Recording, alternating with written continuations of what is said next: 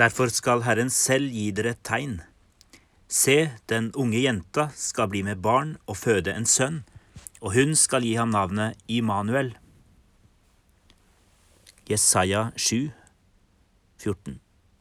Evangelisten Matteus slår fast at fødselen til Jesus er en oppfyllelse av denne 600 år gamle profetien.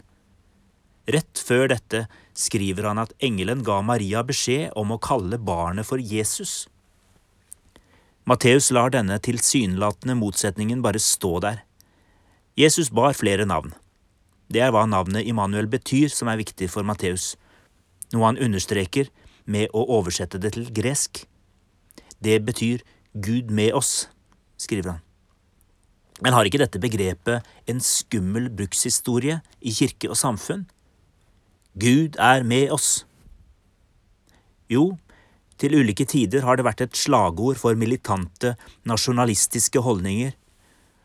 Også som enkeltmennesker og fellesskap kan vi ubevisst komme i skade for å gjøre Gud eksklusiv, plassere ham på vårt lag, bruke Gud nærmest som et ekstra våpen i en konflikt.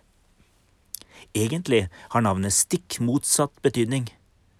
Ved Jesu fødsel tar Gud bolig i snekkerverksteder og fiskebåter. Han kommer vanlige mennesker helt nær, ikke bare lærde og mektige. Jesus bruker sine etterfølgere og sin kirke til å gi dette nærværet munn, hender og føtter. Helt til slutt, i Matteusevangeliet kapittel 28, dukker navnet opp igjen, lett forkledd, når Jesus tar avskjed med disiplene.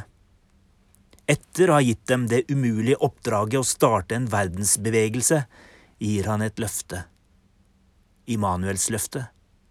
Og se, jeg er med dere alle dager inntil verdens ende. Hva betyr det for deg i dag?